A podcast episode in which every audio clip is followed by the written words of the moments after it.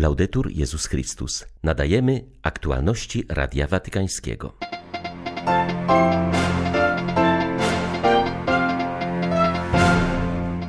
Jednym z największych problemów współczesnych mediów jest produkowanie newsów z zabiórka przy komputerze bez kontaktu z człowiekiem.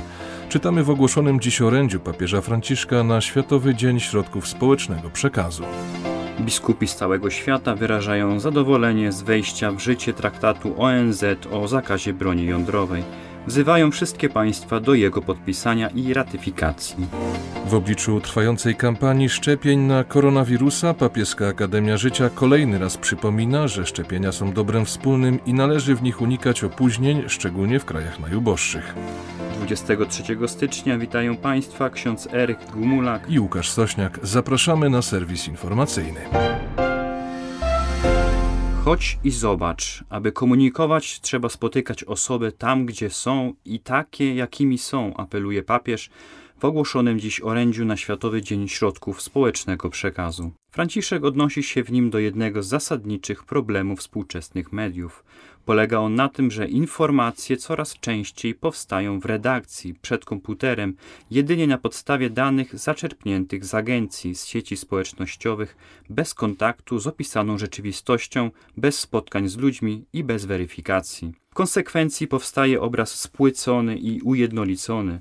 Zanika gatunek reportażu i wywiadu na rzecz informacji, która dobrze się sprzedaje, informacji pałacowej oderwanej od rzeczywistości. Franciszek wyjaśnia, że zawarte w tytule orędzia słowa chodź i zobacz pochodzą z Ewangelii świętego Jana. Tymi słowami Jezus zwraca się do uczniów, którzy chcą go poznać, ale i Filip, który informuje Natanaela o spotkaniu z Mesjaszem. Natanael idzie i widzi, i od tej chwili zmienia się jego życie. Tak zaczyna się i jest przekazywana wiara chrześcijańska jako bezpośrednia wiedza pochodząca z doświadczenia, a nie jedynie zasłyszana. Papież odnosi to również do dziennikarstwa, które też wymaga wyjścia, by zobaczyć. W sposób szczególny dotyczy to tych obszarów rzeczywistości, do których nikt nie idzie. Franciszek wyraził uznanie dla pracowników mediów, którzy z narażeniem życia informują o prześladowaniach, nadużyciach władzy, zapomnianych wojnach, niesprawiedliwości.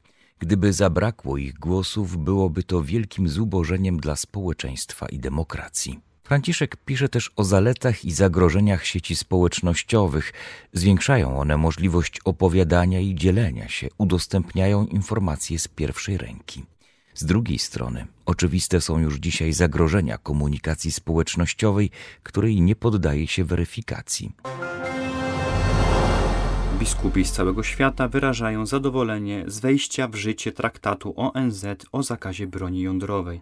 Wzywają rządy do jego podpisania i ratyfikacji przypominają o aktywnej roli Kościoła w budowaniu poparcia dla tej międzynarodowej umowy. Najgorsza ze wszystkich broni masowego rażenia już dawno została oceniona jako niemoralna, teraz jest też w końcu nielegalna. Tymi słowami biskupi z całego świata, od Europy po Japonię, od Filipin przez Ziemię Świętą po Republikę Południowej Afryki, do których dołączyli świeccy oraz osoby konsekrowane z około 20 krajów, z radością witają wejście w życie zatwierdzonego w 2017 2017 roku traktatu, który czyni nielegalnym użycie broni atomowej, grożenie nią, a także jej posiadanie i przechowywanie. To zachęcające piszą, że większość państw członkowskich ONZ aktywnie wspiera nowy traktat i że sondaże pokazują, iż opinia publiczna jest przekonana, że broń jądrowa powinna zostać zakazana. Obawy wyrażone przez przedstawicieli Kościoła dotyczą głównie ryzyka związanego z możliwością użycia arsenału nuklearnego, którego konsekwencje byłyby katastrofalne dla ludzkości i środowiska. Biskupi podkreślają rolę, jaką w dziedzinie nuklearnego rozbrojenia odgrywa papież Franciszek, który nieustannie nawołuje do pozbycia się broni masowego rażenia. Przypominają jego historyczną wizytę w Hiroshimie i Nagasaki. Ojciec Święty podkreślił wówczas, że pokoju nie można zbudować poprzez groźbę całkowitego zniszczenia, oraz ponowił swoje wsparcie dla międzynarodowych instrumentów prawnych mających na celu rozbrojenie nuklearne, w tym dla traktatu ONZ o zakazie broni jądrowej. Biskupi Hiroshimy i Nagasaki wydali wspólną deklarację z okazji wejścia w życie ratyfikowanego przez ONZ traktatu o zakazie broni jądrowej. Biskupi nawołują do stworzenia świata bez arsenału nuklearnego. Hiroshima i Nagasaki to jedyne dwa miasta na świecie, które padły ofiarą ataku atomowego. Jako biskupi diecezji, które padły ofiarą ataku bronią jądrową oraz jako naród japoński powołujemy się na hasło chronić każde życie, czyli motto pielgrzymki papieża Franciszka do Japonii i apelujemy, aby wszyscy mieszkańcy krajów posiadających i nieposiadających broń jądrową zjednoczyli się i stworzyli świat bez tego rodzaju broni. Żywimy przekonanie, że świat bez broni jądrowej jest możliwy i potrzebny.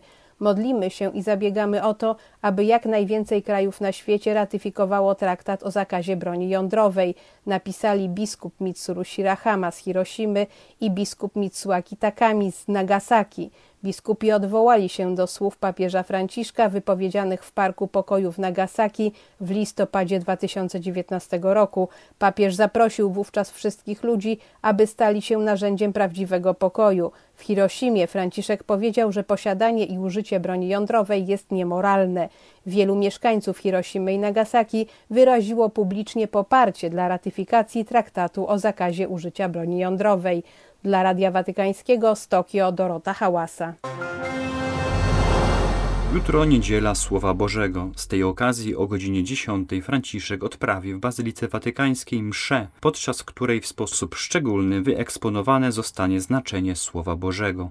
Ze względu na pandemiczne obostrzenia weźmie w niej udział jedynie setka wiernych. Na zakończenie liturgii papież wręczy egzemplarz Pisma Świętego przedstawicielom różnych kategorii społecznych, m.in. piłkarzowi Romy Lorenzo Pellegriniemu, a także pakistańskiej studentce Instytutu Biblijnego, dwojgu katechetom, bierzmowanym ostatnio nastolatkom, seminarzyście z Sudanu Południowego oraz profesorowi medycyny, specjaliście od chorób zakaźnych. Niedziela Słowa Bożego to nowa inicjatywa. Ustanowił ją w 2019 roku papież Franciszek. Jak mówi włoski biblista ksiądz Matteo Crimella, było to konieczne, ponieważ katolicy wciąż zbyt rzadko zaglądają do Pisma Świętego. Jeśli nie czytamy Pisma Świętego, to grozi nam, że sami wymyślimy sobie Jezusa na własny obraz i podobieństwo nie wnikniemy w tajemnicę Chrystusa. Dlatego trzeba nalegać na czytanie Pisma Świętego i podejmowanie studiów biblijnych. Odległość w czasie od wydarzeń biblijnych wymaga takich studiów. Inaczej możemy wmawiać sobie, że w tekście jest coś, czego w rzeczywistości nie ma. Ta odległość w czasie, różnice mentalności, języka wymagają od nas trudu badań biblijnych. Oczywiście na różnym poziomie, w zależności od tego, czy robi to specjalista, czy też laik. W każdym razie jest czymś skandalicznym, że wielu chrześcijan nie przeczytało w całości, nie mówię już Pisma Świętego, ale przynajmniej jednej Ewangelii, bo ma to zasadnicze znaczenie dla naszego życia w wierze. Z drugiej strony trzeba przyznać, że kiedy proponuje się wiernym kursy czy spotkania biblijne, ludzie przychodzą. Jest w nich pragnienie poznania Słowa Bożego. Potrzeba jednak wierności i wytrwałości w tym studiu, bo Biblia jest długa, jest niczym biblioteka. Aby temu sprostać, potrzeba cierpliwości i czasu. Nie wystarczy jeden wieczór.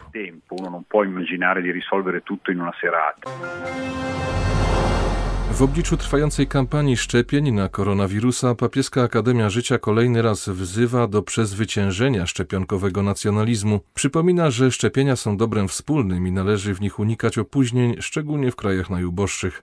Kierujący Akademią arcybiskup Vincenzo Paglia wskazuje na wymóg sumienia, jakim jest niepozostawianie nikogo w szczepionkowym tyle. Narasta konkurencja i nasilają się antagonizmy, co grozi pogłębieniem istniejących niesprawiedliwości, mówi arcybiskup Palia.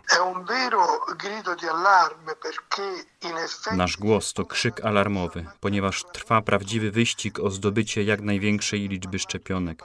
Niektórzy nazywają to wręcz szczepionkowym apartheidem. Jest całkiem jasne, że kraje bogate zapewniły sobie dawki, niektóre nawet ilość przekraczającą ich bieżące potrzeby, podczas gdy w krajach biednych wszystko jest straszliwie spóźnione.